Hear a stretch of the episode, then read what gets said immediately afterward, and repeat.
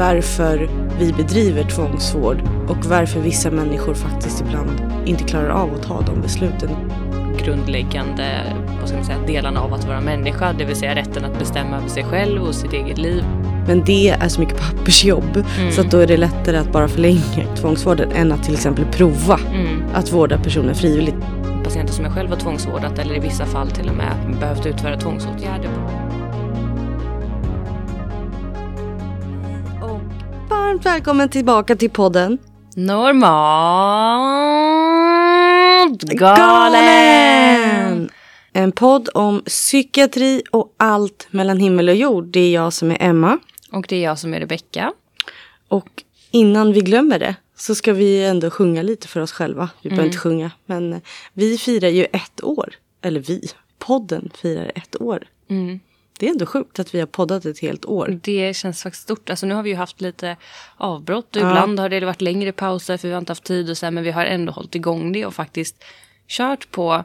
Vi hade ju verkligen liksom så här, ja, men ett mål att det här var någonting vi ville göra så det känns faktiskt väldigt fint att vi har lyckats hålla igång det och att det har gått framåt. Jag vill, alltså att man upprätthåller en idé och faktiskt fortsätter. För annars blir det lätt att man gör lite och det är kul men man inser också. Eh, för det hade jag nog inte insett innan hur mycket tid det faktiskt tar. Nej. Eh, alltså inte så här, nu ska inte jag säga något för att jag klipper inte ens podden. Eh, men, men jag menar mer att så här, det tar, nu är vi också som ni redan vet, ni som lyssnar, vi prokrastinerar av rang. Så att det kan ju hända att vi sitter och gör annat innan vi ska podda när vi väl Det kan, ses. jag älskar uttrycket det kan hända. Ja, det händer Det varje händer. gång. Men jag menar bara att, eh, och det kan vi absolut bli bättre på. Men eh, jag menar allt runt omkring, man ska ändå fundera på så här, okej vi ska ha ett ämne, vi, eh, man kanske vill läsa någon debattartikel om saker och ting, lyssna på någon podd, lyssna på något program, alltså så att man har, det vill, vi vill ju att det ska bli bra. Mm. Men det är väldigt, väldigt, väldigt, väldigt, väldigt kul. Ja, och någonting som jag också tycker är väldigt kul det är att faktiskt eh, jag med all stolthet och liksom så här uppriktighet med handen på hjärtat kan verkligen se att vi har utvecklats under det här året som har gått. Ja.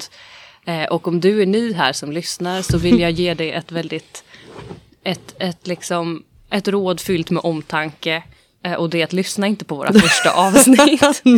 Vi kommer inte bli kränkta. Nej. Eh, jag eh, alltså entledigar dig från att lyssna på de första avsnitten för att nu med liksom facit i hand eller med backspegel och man tittar, nej men gud det var ju inte så bra. Eh, nej, det var inte bra. Det var inte bra ljud. Det var rörigt. Det, Det fanns var... inget upplägg, vi var osäkra. Ja. Man vågade inte, man visste inte vad det balansen var. Vad kan jag säga och inte? Vad kan jag, jag gör det här som privatperson men jag är också sjuksköterska. Kan man säga si? Kan man säga så? Ja, exakt. Jag vill inte att det blir för mesigt men man vill inte heller bli feltolkad. Man har, det känns som att vi har ändå sjunkit in i någon slags bekväm balans där, även om man alltid överväger sådana frågor, men där vi ändå, ja men där vi känner oss bekväma. Ja, och att de för, det, ska vi också berätta. De första typ avsnitten så var det ju också vi bearbetade ju våran ångest i att höra våra egna röster. Det har inte helt gått Eh, över. Nej. Eller går framåt. Men det går framåt och jag kan tycka att det blir enklare för nu har vi ju utrustning som gör att vi faktiskt hör oss själva när vi spelar in. Det gjorde vi ju faktiskt inte i början. Nej. Eh, det ska ju sägas att första avsnittet spelades in med en telefon. Ja, exakt. Om du har suttit där och lyssnat och tänkt, vad är det för, är, är det en mobil? Ja, Mm, det är det. Och då kan det. du också kanske gå vidare till något avsnitt nu på senare och tänka, ja, de bestämde sig för att satsa på bra ljud. Skönt. exakt. För det tycker jag. Och nu sitter vi också och det tog oss ett år att inse att vi behöver ha portabel. Nej, inte att inse, men Nej. på tal om prokrastination, prokrastinering, så eh, att ta tag i det där Ja, det är ett sant. år. Så nu sitter vi för första gången med våran eh, portabla poddutrustning här. Eh, och den, det var ju verkligen vårt mål här för hösten att vi skulle ta tag i och köpa den. Så att Ja. det ska vara lättare att ha med gäster och så i podden, men också att det ska, vi ska bli mer flexibla och kan spela in ibland efter jobbet och sådär utan att behöva göra någon stor affär av att åka någonstans eller åka till studion eller sådär. Ja, för det är ju Ehm, det att åka till studion också i att vi båda bor rätt långt från studion. Mm. Så att bara det att åka hem till någon av oss kanske. Ibland också. Ja, Eh, exakt. För det kan ju typ. också vara bekvämare Ja. ibland. Ehm, även om det kanske kommer leda till att vi prokrastinerar ännu Ja, mer. Men, Men, då kanske vi har mer tid de dagarna vi väljer det. Det är i och för sig sant. För då behöver man inte, en av oss behöver inte åka hem från Nej. där vi är och spelar in i alla fall. För en är redan hemma. Exakt. Hur som helst, vi är väldigt nöjda med det i alla Verkligen. fall. Jag ska bara säga brasklapp apropå det. Jag inser att den här plockar upp extremt mycket ljud. Och jag... Men måste du, varför har du sånt problem med sladden? Min Nej men jag har inget här. problem med min sladd egentligen. Det var inte det. Det är mer att jag, jag inser att jag sitter och rör på mig rätt mycket. Men du skulle ju sitta i skräddare som Ja jag. men jag fick, jag fick kramp. så Efter jag, 17 sekunder. ja, så jag var tvungen att flytta på mig. Men jag tror att jag sitter så här. Men jag ber om ursäkt i förväg om jag stöter till något. För att det är så jävla bra ut. Oj, jag svor jag också. Det är väldigt bra Det utrustning. har aldrig hänt förut. Jo, det har det när jag är upprörd. Eh, ja, skitsamma. Det är i alla fall... Då Det, blir, jag- får alltid Emma lite så här, åh nej, nu svor jag. Ja. Och så känner hon att, hon att hennes mamma inte kommer gilla att hon svär. ja, det är sant. tror inte Fakta. min mamma gillar det i och för sig heller. Nej. Men jag tror att hon, är, hon är ju ett väldigt, väldigt stort fan av Hon är våra, podden. eh, nej men din mamma är vårt största fan. Ja, Verkligen. eh, så att jag tänker att hon har överseende med det. Det känns ändå väldigt bra. Vi är väldigt tacksamma för det stödet. Verkligen. Men Eh, så nu... Även min mammas för övrigt, även om hon inte är lika ihärdig supporter. Nej. för att eh, hon, ett, lyssnar inte så mycket på poddar. och eh, två, när det kommer till vår Instagram så går det in Just på. Instagram typ en gång i kvartalet. Men då gör hon ju ändå sitt jobb. Då gör hon en räd och Exakt. stödlikar Alltså, allt hon har missat. Så ty- det tycker jag ändå är Hon bra. berömmer mig ändå verbalt. Det är bra. Även om hon inte... Det är bra. Vi behöver kanske lite mera, eh, inte bara verbalt stöd. Nej, hon kan, Men- det finns absolut utrymme att steppa upp. Men det, det är ju... Hon får lära sig att bena helt enkelt. Vi har ju bara haft den ett år. Mm, det är sant. Det, Snälla. det kan behöva en längre startsträcka än så. Mm. Men eh, det kan man ändå säga om vår nya utrustning. Att den har ett par väldigt ljudisolerade, Ja, väldigt, shit. väldigt bra hörlurar. Och nu insåg vi, för idag sitter vi och spelar in här på, jag har jobbat, eh, det är lördag idag och jag har jobbat ett dagpass och så kom Emma hit och mötte upp och så sitter vi eh, i en lokal här på jobbet och spelar in. Och har stängt dörren om oss. Och nu insåg vi att när man har på sig de här hörlurarna så hör vi inget. Ingen i hela världen vet att vi är här. Nej. Skulle gå ett brandlarm skulle vi inte märka något antagligen. Nej, Det är så seriöst vi tar den här podden. alltså, vi ver- riskerar livet kan man nästan säga. Man kan verkligen säga det. Men det jag ska säga också med den här portabla utrustningen är att vi har ju varit i kontakt med personer som ska gästa våran podd. Mm. Men vi kan ju ge också så här, är du intresserad och känner att nej men jag har något att, att ge. Eh, eller något ämne du liksom typ, jag vet inte, är väldigt intresserad av och duktig på. Hör av dig så kan vi boka in något. Nu är vi ju flexibla och rörliga. Exakt, Eh. nu har vi ju faktiskt några som står på kö. Ja. Eller alltså, står på kö, det är ju inte bara folk som använt sig frivilligt. Utan Nej. vi har ju också frågat folk, det är en kombination. Ja. Men, men vi har ju flera som är tilltänkta Mm. i alla fall. Som vi har liksom planerat för sen tidigare. Eh, men nu när vi som sagt är lite mer flexibla så kommer det ju gå att bocka av lite snabbare. Och ska tilläggas att Rebecka är klar specialistsjuksköterska om en månad. Mm. Och min utbildning är slut den 17 december. Jaha, är din slut innan jul? Ja, alltså sista kursveckan och allt vi har gjort. Mm. Sen tror jag inte att man får Nej. godkänt innan det. Men jag menar bara att nu idag lämnade jag till exempel in det min slutliga version på min sista uppsats. Eh, så att jag känner att den tiden jag har lagt ner på skolan, för det är ändå rätt mycket det här året om jag tänker efter. Den kan jag lägga på podden då. Mm. Det tänker Johan. Vad fan. men, inte, men jag menar mer att alltså så här, jag ska bli, nej men det här, det ska bli så kul att bara jobba och podda. Ja, Faktiskt. Det, vi har verkligen sett fram emot det. Ehm, Men ja. ska vi komma in på ämnet Ja, men då? jag tänker jag. det också. Att eh, det är nog med försnack. Men grattis i alla fall till oss. Och jag vill ändå passa på innan bara vi kommer igång också säga att eh, till er som har hängt med och lyssnat ända från början så är vi verkligen, verkligen tacksamma. Vi ibland är lite dåliga på att Ja, säga det tror jag. nej. Men vi eh, uppskattar jättemycket er som lyssnar och eh, ni som hör av er Ja, men också. snälla, det är därför vi har kunnat fortsätta. Ja, det är verkligen, det betyder väldigt mycket. Och till er som har hittat hit senare så är vi också jätteglada att ni har hittat hit och hoppas att ni stannar kvar. Så grattis till podden och grattis till oss som har er som lyssnare. Exakt, verkligen. Nu går vi in på dagens ämne. Ja, Och ämnet för dagens avsnitt är... ehm, det är ett mytavsnitt. ehm, men det, vi har valt just den här myten just den här gången eftersom att eh, tvångsvård har ändå varit uppe lite för debatt det senaste. Mm, absolut. Eh, dels lite i form av det som vi pratade i vårt förrförra avsnitt, det vill säga om det här med att man håller på att kika på en ny eh, tvångsvårdslag Mm, ja. eh, för LVM och LPT. Eh, men också i samband med bland annat en, eh, ja, men några debattartiklar som har skrivits. Eh, jag, jag- upplever ändå att det var att det liksom blossade upp lite Jag- grann en jag- serie av debattartiklar efter den här... eh, Jo, efter att det var ju en, eh, en dramatiker är hon väl. Som började liksom och så har... Och journalist. Ja, journalist, Eller precis. Ja, skribent, skribent. Och sen har det i Svenska Dagbladet publicerats eh, en brevkorrespondent mellan henne och en annan journalist på tidningen. Eh, Precis, vi kanske ska nämna dem vid namnen då. Stina Oskarsson och Maria Ludvigsson. Precis. Och ehm, där de har diskuterat. Ja, egentligen har de ju diskuterat. Eller Stina Oskarsson har blev under hösten eller våren 2021 var det va? Inlagd på en sluten psykiatrisk avdelning på tvång. Eh, på grund av sin anorexia. Eh, men utifrån det så har hon, eh, det har blivit, skapats en debatt Eh, liksom vad är, är det rätt med tvångsvård, är det förlegat? Eh, och den här myten som vi pratar om, den heter ju, Tvång är ett nödvändigt ont. mm, just det, så är det. Och det finns ju som alltid en liten, ett litet citat där i början Mm. av den. Jag kan läsa det, då står det tvångsåtgärder är oundvikliga i psykiatrisk vård. Det är, inte tre, det är ingen trevlig arbetsuppgift men det är en del av jobbet.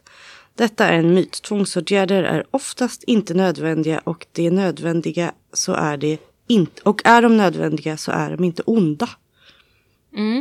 Det är ju en ganska bra sammanfattning Ja. tänker jag i och för sig. Absolut. Eh, Den här myten eh, just ifrån den, den listan där vi har hämtat. Vi brukar alltid lägga en länk i avsnittsbeskrivningen. Mm, men ehm, där så, även om myten heter att två- tvång är ett nödvändigt ont så handlar den egentligen mer om, alltså inte om tvångsvårdets liksom vara Nej, inte eller icke-varande utan exakt. om tvångsåtgärder. Ja.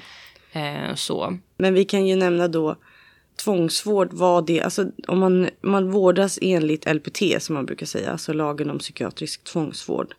Så ska man ju upp, uppfylla vissa kriterier och det är ju en juridisk lag. Alltså du kan ju inte, vem som helst kan inte vårdas på tvång.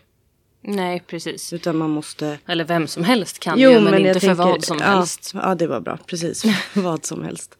Utan det finns vissa kriterier som måste uppfyllas och att det måste vara två oberoende läkare som gör bedömningen att Mm. det krävs. Men vi kanske ska dra de tre kriterierna som krävs innan vi går in på lite mera, alltså Det kan vi göra. Och då, och då ska sägas också att de här kriterierna är då ju för tvångsvård enligt LPT, alltså lagen om psykiatrisk Ja. tvångsvård.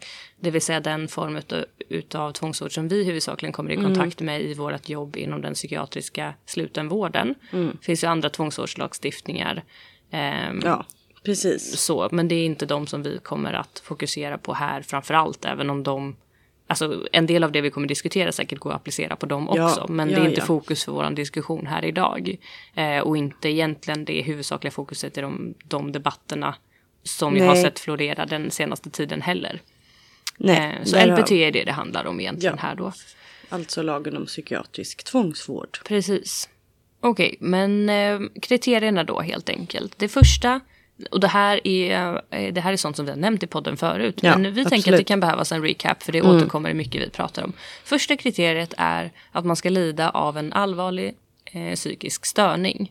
Och det är, finns ingen exakt lista på vilka diagnoser eller tillstånd som kan vara liksom... Som, kan psykisk störning innefattar. Nej, Nej. precis. Eh, utan, och det beror på att det här inte är en medicinsk term, utan det är en juridisk term. Så det här är en term som står i lagtext, men det är inte en term som vi använder oss av i vårt vardagliga Nej. jobb, en allvarlig psykisk störning, utan det här är en term som finns i lagtexten. Det andra kriteriet är att man är i ett oundgängligt behov av Psykiatrisk heldygnsvård. 24 timmar om dygnet. dygnet runt vård, tror jag att det står. Ja, det kanske står dygnet runt. Ja.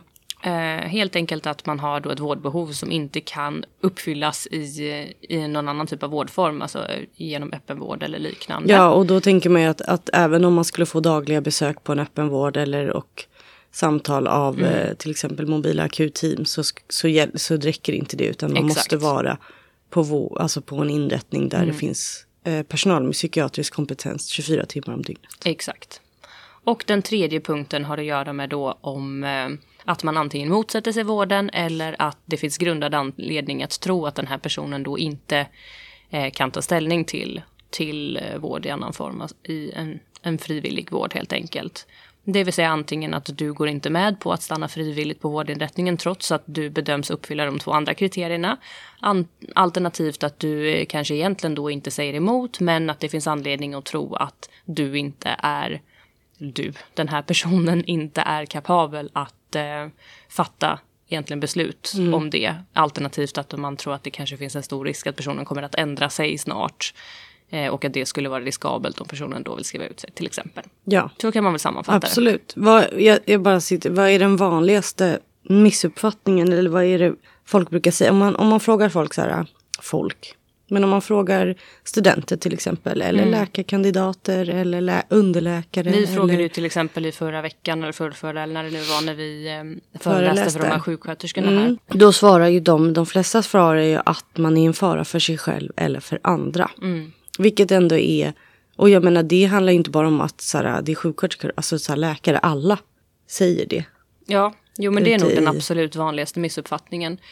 Eh, och det är ju egentligen inte per definition fel. Alltså i många Nej, fall. nej, nej, I många att- fall så innebär ju den allvarliga psykiska störningen som man då bedöms ha att man utgör en fara för sig själv. Till exempel att man är, är väldigt suicidal. Ja, och därför behöver oundgänglig vård. Exakt. Alltså absolut, men jag menar att det, Men det finns, det, inte- står inte i text Nej, det här. Plus att sen måste man, vad är det? men det får du rapa klart. Nu sitter du ändå så här hela tiden. jag, jag fattar inte varför. Jag, det är för att jag har druckit julmust. Men vad skulle jag säga? Jo, och sen att man måste ju faktiskt uppfylla de, alla de tre kriterierna. Mm. Du kan inte uppfylla bara ett. Nej, precis. Utan det är alla tre Mm. för att. Då skrivs ett vårdintyg Mm. som av en legitimerad läkare.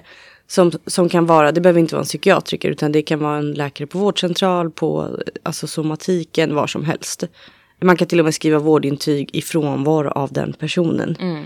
Och sen måste de, det här måste då prövas av en annan läkare som då är specialist i psykiatri, alltså en psykiatriker. Mm. Och det här är ju för att man inte ska, man ska inte kunna skriva, om jag var läkare skulle inte jag kunna skriva ett vårdintyg på Rebecka för att jag anser att hon har en psykisk störning och alla de här kriterierna. Och sen skulle jag kunna godkänna det själv. Nej, det får man precis. inte göra. Utan det ska vara en tvåläkarprövning. Ja. Eh, och den här prövningen av vårdintyget ska då ske inom 24 timmar efter det att patienten har anlänt till en vårdinrättning som kan bedriva psykiatrisk dygnet eller rättare sagt som kan bedriva tvångsvård. Egentligen. Mm. Ja, precis. För det kan vi ju säga, det har vi sagt förut, men har, det finns ju privata avdelningar eh, som bedriver psykiatrisk vård.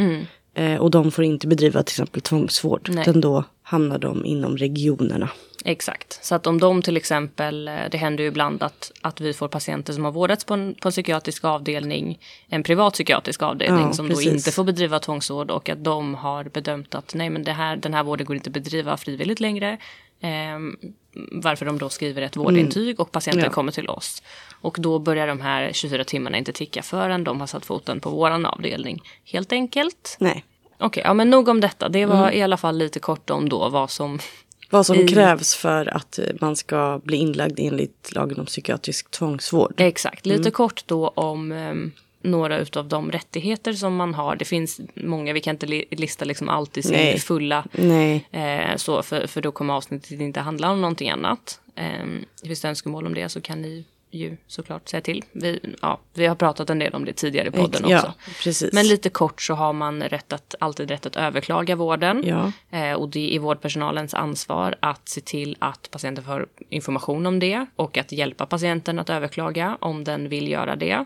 Det tycker jag ändå är viktigt att poängtera att det är våran skyldighet som omvård eller som, som sjukvårdspersonal. Mm. Att, och även, för det kan ju också vara så, det har vi ju sagt någon annan gång, att, att patienten informeras om det när psykiatriken tar det här 6B kallas liksom beslutet att man tvångsvårdas. Paragraf 6b. Ja, precis. Och då kanske de får den, alltså de, de eh, informerar om det, men i den stunden där man då får informationen också att man då är på heldygnsvården vad heter det? Att man har blivit, fått ett intagningsbeslut, Exakt, att man blir intagen tack. mot sin vilja. Vad det jag man inte efter. är mottaglig för den informationen då. Att det är så pass Exakt. liksom, antingen att man redan mår så dåligt eller att informationen i sig att man ska vara kvar mot sin Ja. vilja är så pass eh, svår att ta emot att man inte kan ta emot någon annan information just då utan då behöver det fyllas på sig vid senare tillfälle. Ja, exakt. Så det, det är en av rättigheterna. Mm. Man har också rätt att ansöka om en stödperson och det är då en utomstående person som inte har med vården att göra Ja. som man kan få kontakt med. Och eh, utöver det så kommer man att bli tilldelad ett, eh, om det är så att man överklagar så kommer man att bli tilldelad ett offentligt biträde som, som företräder en om det blir en, eller när det blir en förhandling i förvaltningsrätten då som det kallas. Ja. Eh, och dit kommer man antingen om man har, har överklagat vården alternativt om den tidsperiod eh, som ett intagningsbeslut gäller om den har löpt ut och läkaren har valt att ansöka om förlängning. Mm. Ja. Då blir det också förhandlingar och då får man eh, då får man också det här offentliga biträdet då som, som företräder en och Och i förvaltningsrätten då så sitter det alltid en sakkunnig, alltså en annan psykiatriker som inte har med patientens vård att göra utan mer läser, alltså läser sig in i det fallet, läser den andra läkarens ansökan och sen då eh, godkänner eller inte kan man säga. Så det är också viktigt att det sitter inte bara, det sitter inte bara liksom personal som inte har koll på psykiatrin utan de har en sakkunnig som liksom bedömer det utifrån det. Så det är viktigt att punktera att, och det här har man ju gjort för att det inte ska vara så att man eh, dels tvångsvårdas i onödan och att man eh, Alltså det ska inte bli så att bara för att jag tycker illa, alltså vi säger det, att det ska inte gå att utöva den liksom makten bara för att man tycker illa om någon så ska någon få vårdas på LPT jättelänge eller liksom så, utan det här, alltså tvångsvården ska ju så fort som möjligt övergå till frivillig vård. Ja. Det är ju målet. Jag tycker ändå att en sak som ändå kan vara värd att säga är att Alltså nu, nu är ju det problemet större till exempel inom rättspsykiatrin eftersom att rättspsykiatrin är mindre än vad den alltså övriga psykiatrin är. Men jag tänker det här med typ jäv och sådana saker. Eh, Alltså i att eh, vissa gånger säkert ändå är så att den här sakkunniga personen är mer benägen att lita på sin, även om det är en läkare den inte känner, men på sin läkarkollega än på den här, äh, än, på Ja, patienten. alltså- så är det ju ändå, att det ja. är ju ändå, det är ändå min upplevelse, det här var min personliga eh, åsikt, eller vad man ska säga, eh, att Alltså om man tittar på statistiken av hur många fall som förvaltningsrätten dömer för, eh, alltså för att, eh, att gå på läkarens eh, ansökan om förlängning. Eh, eller, eller rättare sagt då att döma emot till exempel patientens överklagan så, så ser det ändå ut så att det är ganska sällan som, Ja, är som man som patient lyckas eh, få igenom sin överklagan, även om det absolut förekommer. Eh, och jag tänker att jag, alltså jag personligen, och det här har jag ju inte, det här är en killgissning men, och min erfarenhet, men jag, har, jag, jag upplever inte att det kanske alltid är glasklart. Om du förstår vad jag menar. Alltså Ja, när det kommer ja. till sådana här Nej, saker är det ju absolut. aldrig glasklart. Men min poäng är bara att alltså jag kan komma på patienter där jag ändå själv kan känna eh, Men det kan ju vara, grejen är att det är det som jag kan, för jag håller med. För det jag Eller, upplever... eller rättare sagt, för, för att bara avsluta så det blir tydligt vad jag menar. Det jag menar är inte att det måste ha med jäv att göra, utan det, det är väl självklart eh, att det kanske också är så att när det finns en osäkerhet så vill man väl kanske som sakkunnig då hellre inte riskera att så här, ha dömt emot den psykiatriker som faktiskt har träffat patienten Nej. och pratat med patienten och bildat sig en uppfattning av patienten genom sin bedömning och sen så visar det sig att den här patienten råkade illa ut till exempel. Alltså att det, det är säkert en stor osäkerhet också i att man då därför hellre eh, beslutar eller liksom råder att gå på läkarens Mm, bedömning ja, än ja, på patientens precis. överklagan typ. Ja, men däremot så tycker jag att, inte alltid, men i vissa fall, alltså det här med att ansöka om förlängning av psykiatrisk tvångsvård, kan jag tycka att jag har varit med om där, där man känner så här, ah, alltså den här patienten har ju egentligen gått med på att vårdas frivilligt. Att det sker för slentrianmässigt. Ja, exakt. Att det är så här, ah, nej men... Ja, eller typ att så här, för det, det har jag till och med hört, att så här, det, är svår, det är ju jobbigare att konvertera någon. Med konvertering menar vi att om en patient ligger inne frivilligt och Man sen liksom bedöms att... vården. Och då måste man, så bedöms det att det krävs tvångsvård. Då, då kallas det för att man konverterar en patient. Men det är så mycket pappersjobb. Mm. Så att då är det lättare att bara förlänga, förlänga tvångsvården än att till exempel prova.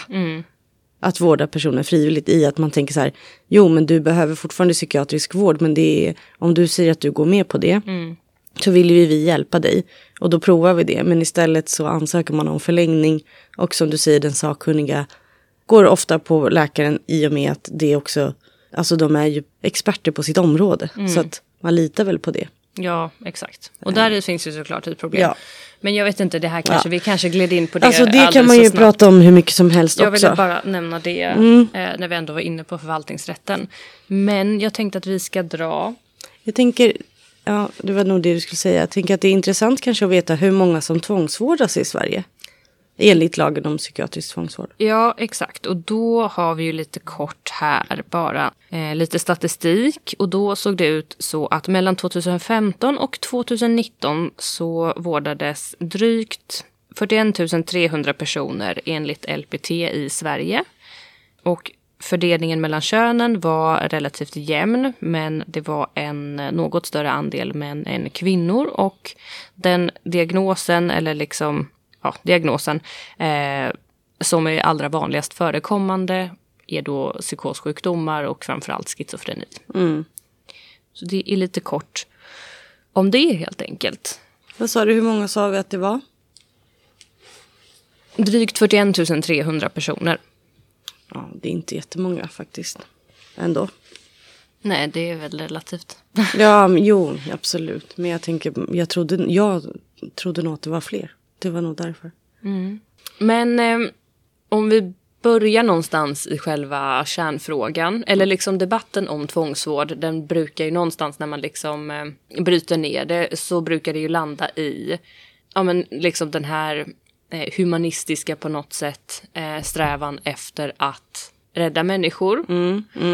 Ehm, och att göra det till varje pris, även om det innebär att kränka vissa delar av de liksom basala grundläggande vad ska man säga, delarna av att vara människa, det vill säga rätten att bestämma över sig själv och sitt eget liv och autonomin då som är där på, på andra ja. sidan på något sätt. Det är ju där den liksom stora etiska eh, konflikten i själva tvångsvårdets varande överhuvudtaget ligger. Ja, precis. Ehm, och då om vi tittar på den här myten utifrån om tvång är ett nödvändigt ont och då tänker jag att vi inte pratar om tvångsåtgärder utan om tvångsvård Ja. i sig. Ja, för det, kan, det är ju det debatterna har handlat om. det Exakt, har inte handlat exakt. om tvångsåtgärder. Jag, alltså, jag har inte läst alla. Men, Nej, det är ju Men- lite både och men, den, Men, men den eh, liksom, stora där det ändå har varit liksom, andra poddar, liksom, program och så. Då har de ju pratat om just. Okej, förra gången åkte glassbilen förbi, nu åkte en ambulans förbi. vilket kanske- inte är så konstigt, vi är på ett sjukhus. Exakt. Men Ja, det kanske inte hördes i inspelningen ändå. nej. Hur som helst. Eh, ja, så har det ändå pratats om just tvångsvården. Mm. Vad är din, ditt spontana Alltså svar? mitt spontana svar är ju att, eh, att tvångsvård absolut i viss bemärkelse behövs. Mm. Eh, men att men att man, jag tror att man måste, jag håller med om att man måste hålla den debatten ändå levande. Men man måste också koka ner det till varför vi bedriver tvångsvård. Och varför vissa människor faktiskt ibland inte klarar av att ta de besluten och vi behöver som i vården göra det åt dem. Så att jag håller, jag håller inte med om att det är en myt. Alltså att det är, utan att jag, men däremot så tänker jag att man hela tiden behöver fundera på varför gör vi det här? Mm. Alltså jag tänker också att, eh, för de skrev ju i det här, eh, det som du läste ifrån Mm, ifrån myten. från, ja. från själva myten Ja. så stod det ju det här att tvång inte är ett nödvändigt ont. Och ja, nu kommer jag inte ihåg formuleringen, Jo, men någonting eller- i stil med att i den mån det behövs så är det inte ett ont. Exakt, men i den mån det är nödvändigt så är det inte av ondo. Exakt. Mm. Ehm, Och det är väl det jag kanske håller med om då. ja, det håller jag också med om. Däremot så kan jag känna lite att så här, eh, och det är väl en formuleringsfråga kanske, men jag kan känna lite att nej, det är inte av ondo. 100 procent. Alltså, i, i och med patienter som jag själv har tvångsvårdat eller i vissa fall till och med eh, behövt utföra tvångsåtgärder på har det givetvis inte varit av ondo utan det har kommit från en, ett perspektiv av, liksom, ett, av omsorg. Men däremot bara för att det inte är av ondo så tror jag inte nödvändigtvis att man kategoriskt kan säga att det inte är ett nödvändigt ont. Det var nödvändigt, ja, och det var för att uppnå någonting gott.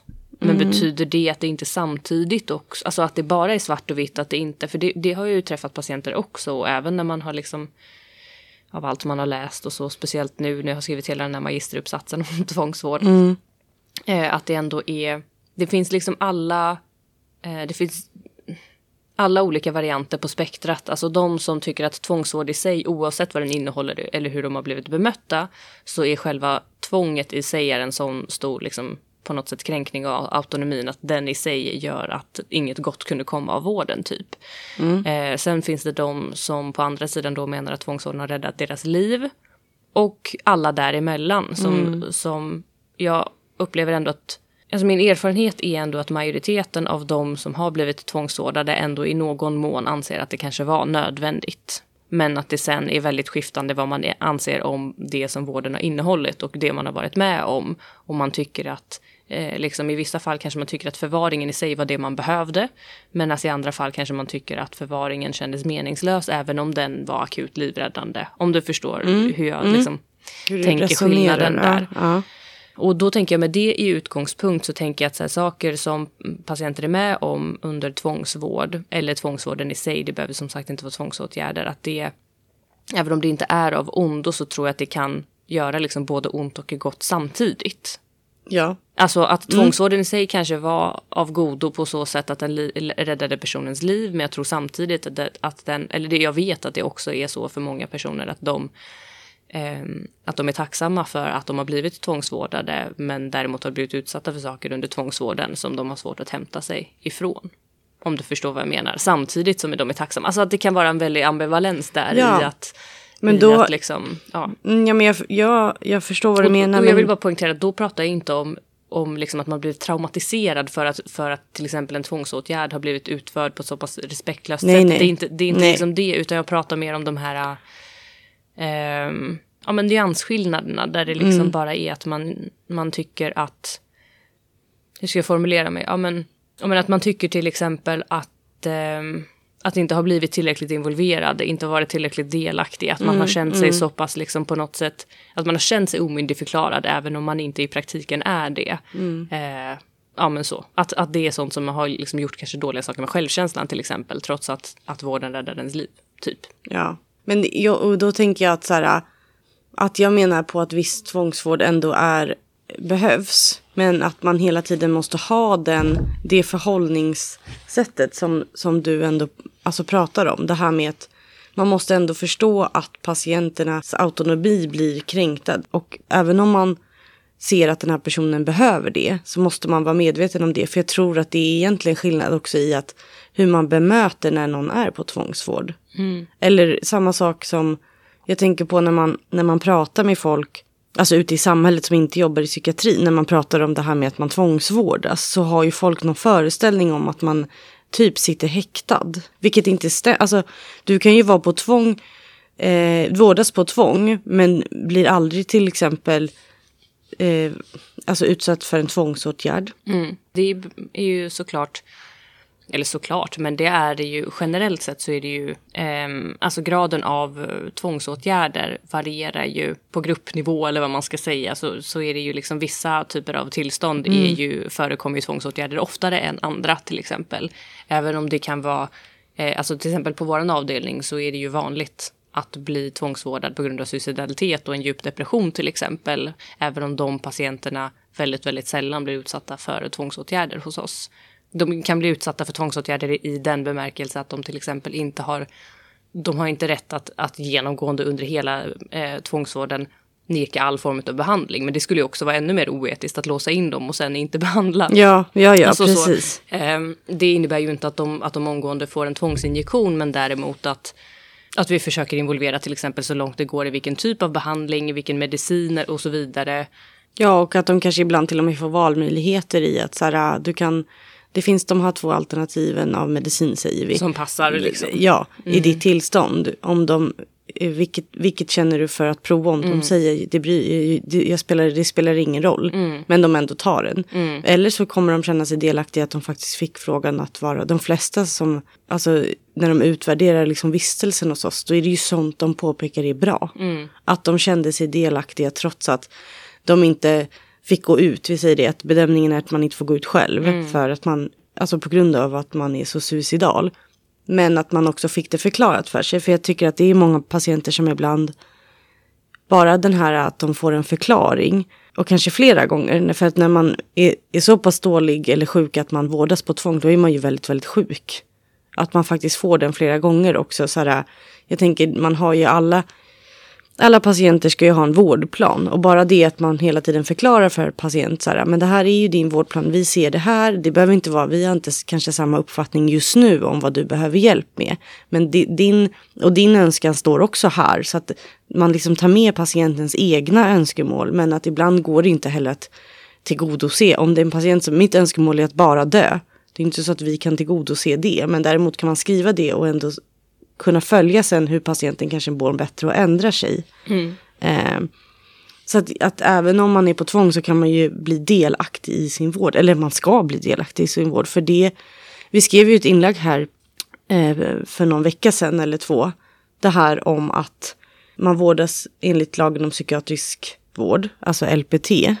Betyder inte att man inte har, alltså går under lagen för HSL, alltså hälso och sjukvård. hälso och sjukvårdslagen. Nej, exakt. Alltså även om man inskränker absolut patientens autonomi, autonomi och så. Men att man har fortfarande rättigheter fast man är på tvång. Och det får man inte glömma bort. Nej, exakt. Så där tänker jag är en... Det är något som är viktigt att poängtera ändå i Mm, den. Att, alltså, de, dels det här i att, att tvångsvård inte är lika med tvångsåtgärder.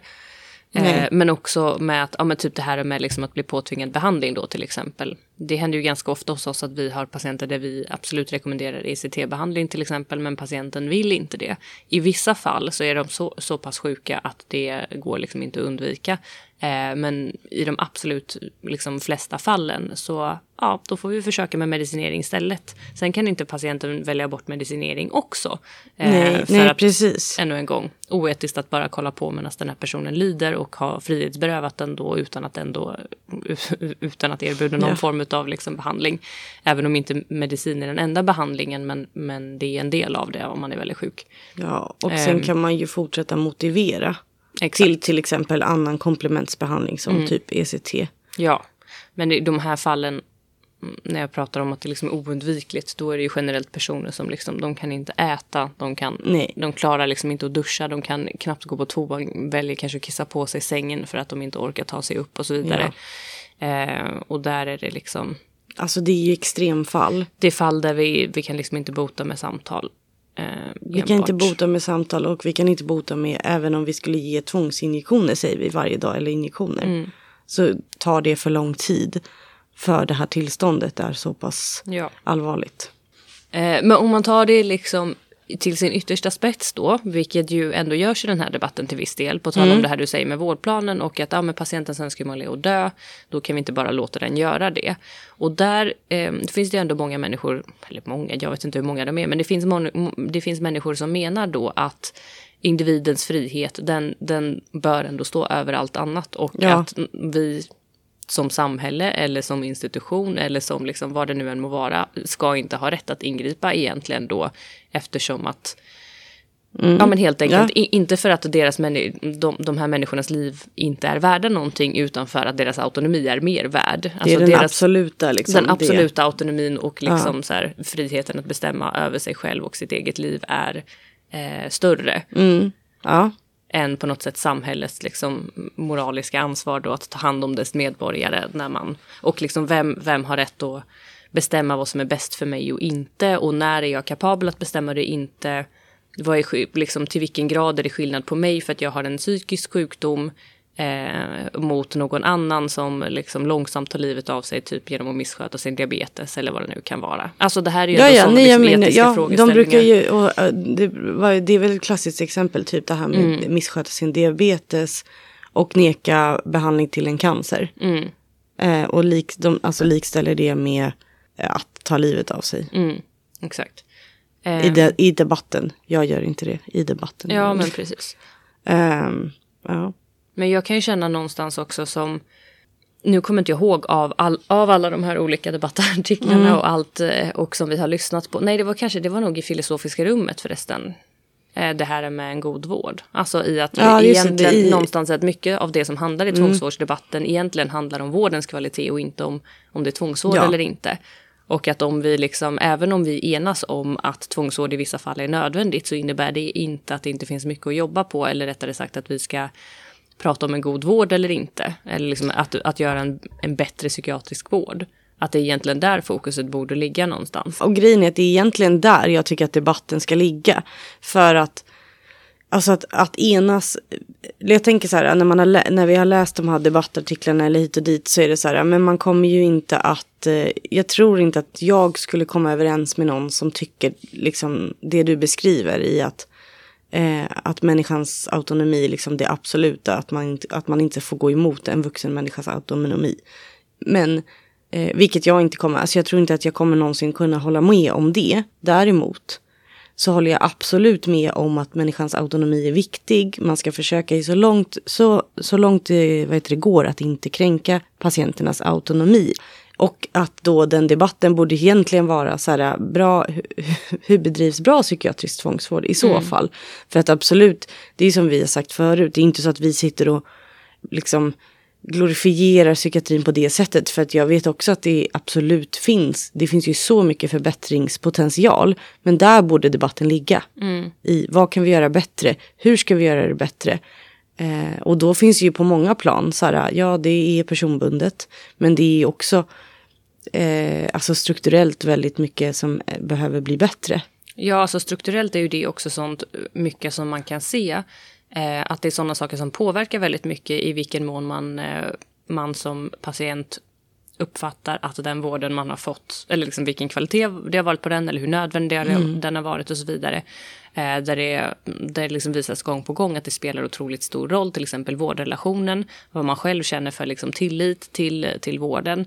Eh, för där tror jag någonstans, ja, det var någonstans i den här brevväxlingen mellan Stina Oskarsson och eh, Maria Ludvigsson då, där det stod, jag kommer inte ihåg vem av dem, men någon av dem som skrev det här typ att du, ja, någonting i stil med att man tas in då mot sin vilja och man fråntas liksom all tillit men förväntas ge tillit tillbaka. Typ. Mm, just det. Och det tycker jag ju, eh, alltså det, det är i många fall tänkvärt och, liksom, Mm, absolut. och, eh, och sant. Eh, men jag tycker också att det tål sig ändå att tilläggas att det i många fall för de här patienterna som kanske då återkommande är i behov av tvångsvård, ehm, som, som inte är inlagda för första gången och som faktiskt har en tillit också för vården. Kanske inte när de är som allra sjukast, att den tilliten är, är som högst nej. eh, på grund av liksom sjukdomen i sig och att de själva då inte känner att de behöver den här vården helt enkelt. Men, men senare ett friskare tillstånd säger att de absolut behövde den och aldrig någonsin hade sökt själva.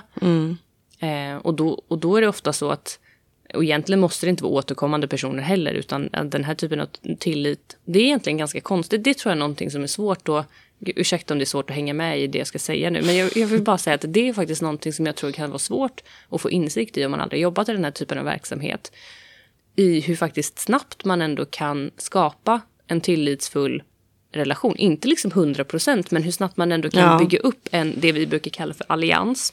Som ändå är någon form av tillitsfull vårdrelation i ett sånt extremt utsatt läge för patienten. Eh, Man är två främlingar, man har aldrig träffats tidigare. Den ena är helt liksom utblottad och det finns en enorm maktbalans. Men hur faktiskt med väldigt små medel ibland man kan nå väldigt långt med, med liksom vårdrelationen. Och då även i liksom tvångssituationer eller i där jag ska försöka liksom motivera eller lirka eller övertala eller vad vi nu vill använda för ord, en patient till någonting. Eh, hur långt jag faktiskt kan komma med det i. Och det behöver inte vara att jag är bättre än någon annan eller vice versa. Utan bara i ja, med personkemi eller vad det kan ha att göra med att man liksom har känt att det här är någon som jag litar på och faktiskt låter den övertala mig till saker som, som den andra personen inte får. Mm. Alltså jag håller verkligen med i att det här, äh, det ibland krävs så lite. Det kan vara en blick. Alltså förstår du, det behöver inte ens vara att du säger något. Det kan vara att du stannar. Alltså förstår du, patienter som har berättat att så här, äh, men jag vet inte, den här skötaren var den som fick mig att förstå att jag behövde ta min medicin. Till mm. vi säger det. Då kan det ju vara en skötare som inte ens har sagt något. Det kan bara vara att man har gått förbi eller stannat vid ett mm. visst tillfälle och bara stått och väntat. Eller mm. du vet, gett personen lite tid eller vad, ja, vad det nu kan vara. Eh, så det behöver som sagt inte vara så stora medel. Som, eller så här, och då tänker jag ibland så säger, så, så säger vi så fint så här, det, behöver, det är inte personbundet. Och nej, jag menar inte att det är personbundet till typ dig eller mig, men det är ju personbundet till folk som, som reflekterar över det här, sådana mm. saker. De här situationerna som uppstår, att så här, eh, om, man, om vi säger att eh, det är ju bara, bara som att vi, jag pratade med, det var, det var inte jättelänge sedan som jag pratade med en patient som hade eh, vårdats eh, på en annan, en annan klinik. Liksom, eh, så. Där, där den här patienten hade upplevt att eh, personalen kanske i sig, alltså var och en för sig, var nog rätt duktiga. De var, liksom, de var där för att de ville göra ett bra jobb. Men att de hade ingen bra arbetsgrupp. Alltså de, det, och det känns ju ganska långt ut i, mm. i alltså patienten, liksom, den här patienten förklarade att man kände liksom kylan mellan, mellan medarbetarna typ. Eh, vilket, vilket resulterade i att man inte kände sig, man liksom ville typ inte vara till besvär, man ville inte ställa någon fråga, man ville inte för att, för att folk redan var irriterade. Och det handlade inte om att de var irriterade på patienterna, det handlade inte om det, utan det var liksom ett, ett, en arbetsgrupp som kanske inte gill, liksom, var kompatibla med varandra eller vad man ska säga. Och då menar, det, det jag menar då är att så här, eller det jag vill komma med det, är att inte att så här, lovorda vår avdelning. Men vi, ibland brukar ju vi skoja om att vi är en sekt. Alltså mm. så här på skämt men att det är liksom Rebecka hatar när jag säger det, men att vi har högt i tak. Eh, att vi kan skoja med varandra, vi har också roligt med varandra. Och det tror jag hjälper till i att, att göra det där, att man känner att man kanske eh, kan stanna eller man kan ge den tiden eller tilliten att man, för att man inte behöver gå runt och irritera sig på en kollega istället. Mm. Alltså förstår du vad jag menar? Att så här, för som person kan man känna så här, nej men jag, eh, jag vill verkligen göra ett gott jobb och jag vill göra och jag gör bra för patienterna. Och det handlar kanske inte ens då om dig personligen eller då, men att just det här att det krävs så lite för att en patient ska, ska känna att, att det inte är bra jämfört med om det är bra. Mm. Och då var det inte ens något som någon hade sagt till den här patienten utan det var bara hur känslan var i rummet. Mm. Förstår du vad jag, vart jag vill Absolut. komma? Alltså, bara för att försöka förklara att det betyder inte, behöver inte betyda att man säger något dåligt eller att man kanske säger bra saker men att i långa loppet eller i den kontexten så blir det inget bra ändå. Mm. Eller att jag vill inte lovorda vår avdelning alltid för det känns som att jag alltid gör det. Men eh, Ja, du Fast förstår. Vi, har, vi jobbar ju på en bra avdelning. Ja, det gör vi. Annars, hade vi, annars hade vi inte jobbat kvar. Nej. Men jag menar, det är väldigt viktigt och framförallt när man jobbar med psykiatrisk tvångsvård som är, det är ju tungt. Eh, och jag tror att det är viktigt att, det har vi pratat om förut, men jag tror att det är viktigt i att det debatteras. Sen, sen kan det bli jobbigt när de, debatten vinklas å ena sidan. Alltså ska man debattera ordentligt då kan man inte börja debattera eh, utan att ha, ändå ha fakta. För ibland mm. kan jag tycka att vissa deba debatter som har varit nu, där har det varit personer som, som eh, inte har kompetens i vad, vad psykiatrisk vård är eller vad det innebär. Och då blir, då blir den så fel vinklad utåt mot samhället. Och då blir det mer de här att man tänker att man sitter i, att man typ är som i ett mm. fängelse. Mm.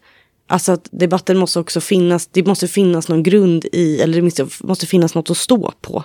Alltså typ att det var ju någon debatt där de liksom säger att man blir omyndigförklarad. Förklar, vad heter det? Jag kan inte säga. O Omyndigförklarad. Ja, exakt. Sen tror jag att det känslan var att hon kände sig så. Men att skriva det, då är det som att folk, folk som inte har koll, mm. de kommer tro att man blir det. Ja. Alltså sen är det upp till var och en att vara källkritisk. Men du förstår vad jag, alltså jag, jag tycker att debatten blir lite, jag håller fortfarande med som han som sa i psykiatriska eller i filosofiska rummet att debatten ska inte ska kanske inte handla om tvång. Den kanske ska handla om bra vård. Mm, ja, precis. Och eh, liksom, är man under tvångsvård så ställer det ju ännu högre krav ja. på att vården ska vara bra. För att ja, det är ja. ännu viktigare när man faktiskt inte bara kan välja att gå därifrån. Um, så det tycker jag också. Och sen tycker jag det är viktigt det här du tar upp också det här med uh, när man debatterar då tvångsvård. Eller rättare sagt om man man debatterar tvångsvård och själv inte har någon inblick i hur vården faktiskt fungerar så blir det också, ja men det, det kanske också blir lite konstigt då i att vissa saker är Vissa saker är också svåra kanske då att sätta sig, eller kanske, de är uppenbarligen såklart ja. väldigt svåra att sätta sig in i och jag tycker att det blir liksom, det blir lite skevt då att, mm. att diskutera. Um, nu liksom så här, alltså nu är inte jag ute efter att uh, den här brevkorrespondensen mellan um, mellan Stina Oskarsson och Maria Ludvigsson. Den är för övrigt publicerad i Svenska Dagbladet för den som vill läsa. Mm. Det har vi kanske inte sagt. Eh, men jag är, inte, jag är inte utifrån, liksom, ute efter att egentligen Sätta dit dem? Det var, sätta nej. dit dem eller egentligen att liksom så här på något sätt kommentera nej. själva. Men, liksom, men, men vissa av de sakerna som jag är liksom ute efter, exempelvis här då i att nu var inte det här debattartikel från början utan det var ju brevväxling dem emellan men man har ja. ändå valt att publicera den. Och när man då till exempel skriver sådana här saker som det innehåller där hur Stina Oskarsson har berättat att det var en vän som hade ringt in och varit orolig för henne och så vidare. Och Maria Ludvigsson då återkommande liksom återkommer till att det här är ju helt uppåt väggarna att man kan bli tvångsintagen då baserad då på ett ett samtal som har ägt rum där du själv inte ens har deltagit och sen så blir du tvångsinlagd i fem veckor och mm. du får inte ens träffa en psykiatriker och så vidare. Och där kan jag ju någonstans ändå säga, alltså rent i, eh, nu var, nu var det här hennes ord och inte, inte egentligen Stina Oskarssons. Utan det var ju, men, ja, men den som läser och liksom inte då kan, eh, kan nödvändigtvis ifrågasätta det hon säger eftersom att det inte blir ifrågasatt eh, kommer ju kanske då tro på det. Och där mm. kan jag ändå någonstans ändå säga att det är inte sant. Så går det inte Nej. till. Att inte alltså en psykiatriker, Nej. för det första kan du inte hamna på LPT utan att träffa en psykiatriker. Det mm. är liksom, går inte. Eh, och, eh, eller det här liksom med att att kunna bli tvångsintagen enbart på grund av vad en vän har sagt och sen så liksom inte, alltså det, ja, och så vidare och så vidare. Nej, det var, nej. Ännu en gång, det var inte det Stina Oskarsson själv sa, men det var det som skrevs i liksom brevkorrespondensen. Och sådana här saker då, när det liksom skapar en debatt och jag tänker att människor då som inte har någon insikt i hur, hur tvångsvården fungerar, eh, kan ju då utgå ifrån det, vilket ju inte är så bra. Ja, nej, och sen var det ju, och det, det som ändå är som, så var det ju flera, det, det är ju flera som har liksom debatterat emot den här korrespondensen. Mm. Alltså, eh, och bland annat, jag kommer inte ihåg vad hon hette som jag läste, eller som vi läste, men det var ju som hon också avslutar med, alltså hon beskriver väl, hon hade väl också eh, tvångsvårdats, tror jag, eller hur? Ja, för... Hon som också hade tvångsvårdats för anorexi. Ja, för hon hette Josefin någonting. Ja, precis. Men hon avslutar ju hela sin liksom, debattartikel om, eller det att, att skriva då, att tvånget i sig inte, det är liksom som vi sa, alltså tvånget i sig är inte det som behöver eh, ett vara eller ett icke vara i att vi ska tvångsvårda folk i Sverige. Utan just det här, vad innehåller tvångsvården och hur bedriver vi en bra tvångsvård? För jag tycker ju att summan, eller summan av det som Stina Oskarsson och Maria ändå, alltså summan av det, deras brevväxling är ju fortfarande att hur eh, kan tvångsvård få äga rum? Hur kan man låsa in någon på det sättet, bla bla bla. Alltså så. Ja, det är ju bla, ändå bla, bla. Men... sammanfattningsvis mer eller mindre, eller jag tolkar det i alla ja. fall eh, som att deras slutsats är att det egentligen finns ingenting som berättigar tvångsvård Exakt. i något tillfälle Nej. överhuvudtaget. Och där kan vi väl ändå eh, alltså samstämmigt säga att det håller vi inte med om. Och jag eh, någonstans, och den här personen som jag tyvärr inte heller, det känns inte så bra, men nu kommer inte jag heller ihåg efternamnet på, på den, eh, nej, vi får länka det svaret. i... Ja. Vi får skriva det i hon heter Josefin minns jag, men jag kommer ja, inte ihåg efternamnet. Hur som helst, hon skriver ju till exempel då att, ja men apropå det här med att veta sitt eget bästa till exempel. Mm. Eh, där precis som Precis som Stina Oskarsson så uttalar hon sig också själv då utifrån bara sin egen berättelse där hon säger att i alla fall för mig eh, så, så gjorde anorexin att jag inte visste mitt bästa och att ett av hennes liksom absoluta på något sätt eller inte hennes egentligen, utan sjukdomens favoritknep att dra till med att, eh, liksom för att argumentera för varför hon inte behövde äta idag eller den här veckan och så vidare, eh, var att hon hade rätt att bestämma själv över sin egen kropp och hennes självbestämmande och autonomi och så vidare. Eh, den personliga integriteten. Och där menar hon ju nu i efterhand när hon är frisk att det även om hon liksom argumenterade för det med de här, de här värdena i ryggen eh, så var det liksom sjukdomen som talade och hon visste inte sitt eget bästa. Och jag tänker att det finns ganska många sjukdomar som vi, tvångsvård, som, som vi tvångsvårdar patienter för där det är en del av sjukdomen att man för tillfället inte vill sitt eget bästa, inte kan sitt eget bästa eller inte förstår sitt eget bästa. Nej, och jag menar i eh, det var ju i, eh, i det filosofiska rummet tror jag också. Det var hon, överläkaren Annette, Antoinette Lundahl som säger att hon sa, påpekade dock att det var hon kände sig lite sadistisk när hon utförde tvång, alltså när hon tvångsvårdade personer.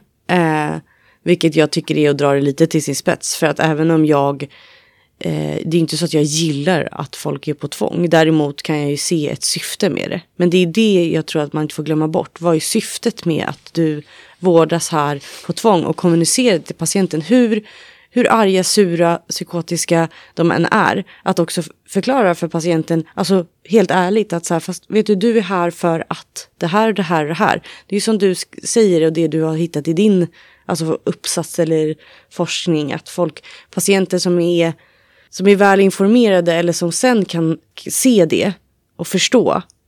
De upplever ju inte tvångsvården som något ont.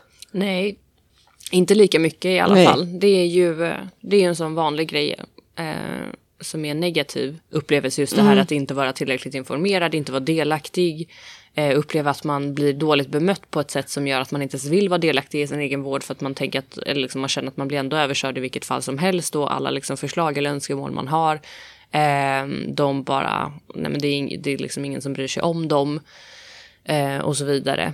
Eh, det i kombination med just det här med liksom tillit och en bra vårdrelation är ju sånt som, som man tydligt kan se att det också påverkar hur pass, eh, alltså patientens upplevelse av typ vad ska man säga, nivå, alltså dels, dels upplevelsen av tvånget i sig men också hur, hur mycket tvång man än, ens mm, upplever mm. att man har blivit utsatt för.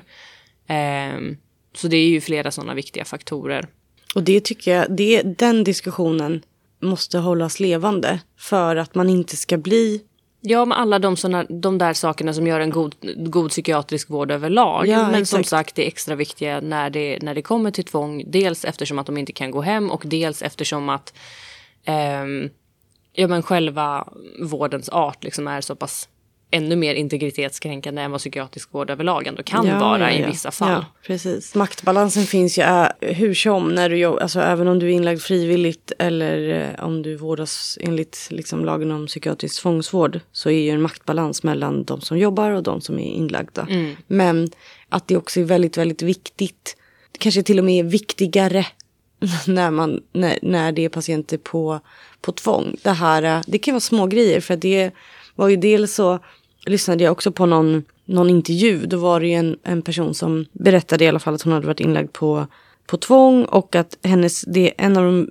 liksom, grejerna som hon tyckte var mest jobbigt egentligen. Det var de här nyckelknipporna som folk gick runt och dinglade med. Mm. Eh, och det är en sån grej som typ jag brukar säga till eh, mina studenter framförallt. Så här, försök att ha dem i fickan. Det är väldigt vanligt att man går runt med dem och, och liksom att de dinglar någonstans eller att man till och med går runt och, nu hoppas jag att folk inte gör det längre, men så här går runt och viftar med nycklarna på mm. något sätt.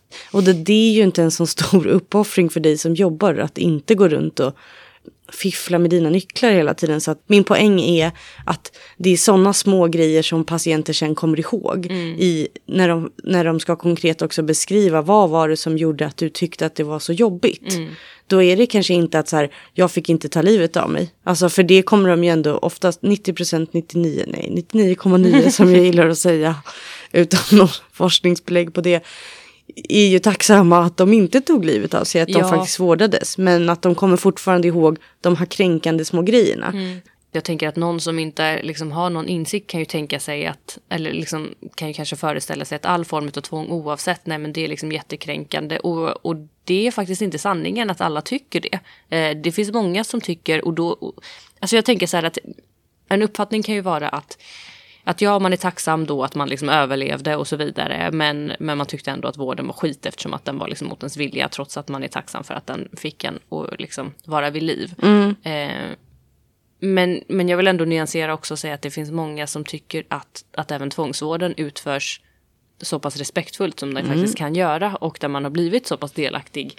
Eh, och, och, det tänker jag, och det är inte för att glorifiera utan det är snarare för att förmedla hopp till att uppenbarligen så finns det ändå saker så som vi kan ja, förbättra ja, och fortsätta sträva ja, efter för att det faktiskt finns de här goda exemplen där det går väldigt bra.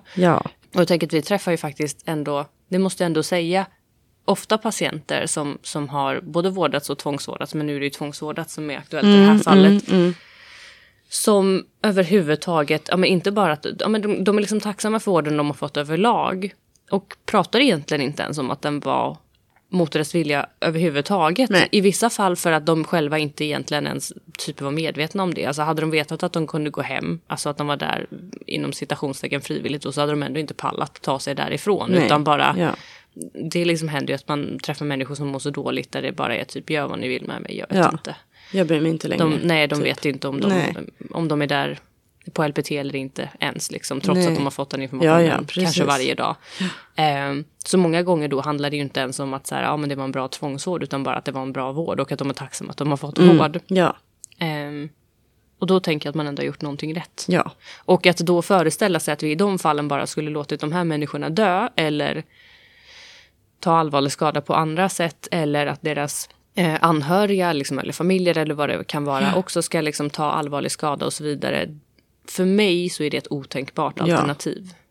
Där jag liksom absolut tycker att tvånget är ett nödvändigt ont eller ett nödvändigt av godo. Ja, jag tänkte säga det och det är väl, då får det eh, runda av avsnittet. Så är det väl egentligen det vi vill säga. Att, Mm. Ja, alltså det känns som att det här har varit ett lite, lite Det- spretigt ja, och jag lite flummigt avsnitt. Jag tror vi är lite Säkert. trötta. Ja, men, ja, men jag, nej, men jag tänker att det är jätteviktigt. Vi kommer ofta tillbaka till det. Det här med bemötande, delaktighet och att liksom det här. Och jag tycker fortfarande att debatt, det är bra att en debatt förs om vad är en bra psykiatrisk vård. Så. Och det får egentligen avsluta den här podden. Och som vanligt så finns vi på Instagram, glöm inte det. Normalt galen understreck podcast. Precis. Eh, Så följ, dela, DMa. Så ses vi om två veckor igen. Eller hörs, ses. Ja, vi hoppas inte. på det i alla fall. Ja. Vi jobbar så hårt vi kan Ja. med våra nya portabla utrustning. Exakt. Så eh, säger vi hej då så länge. Ja, hej då.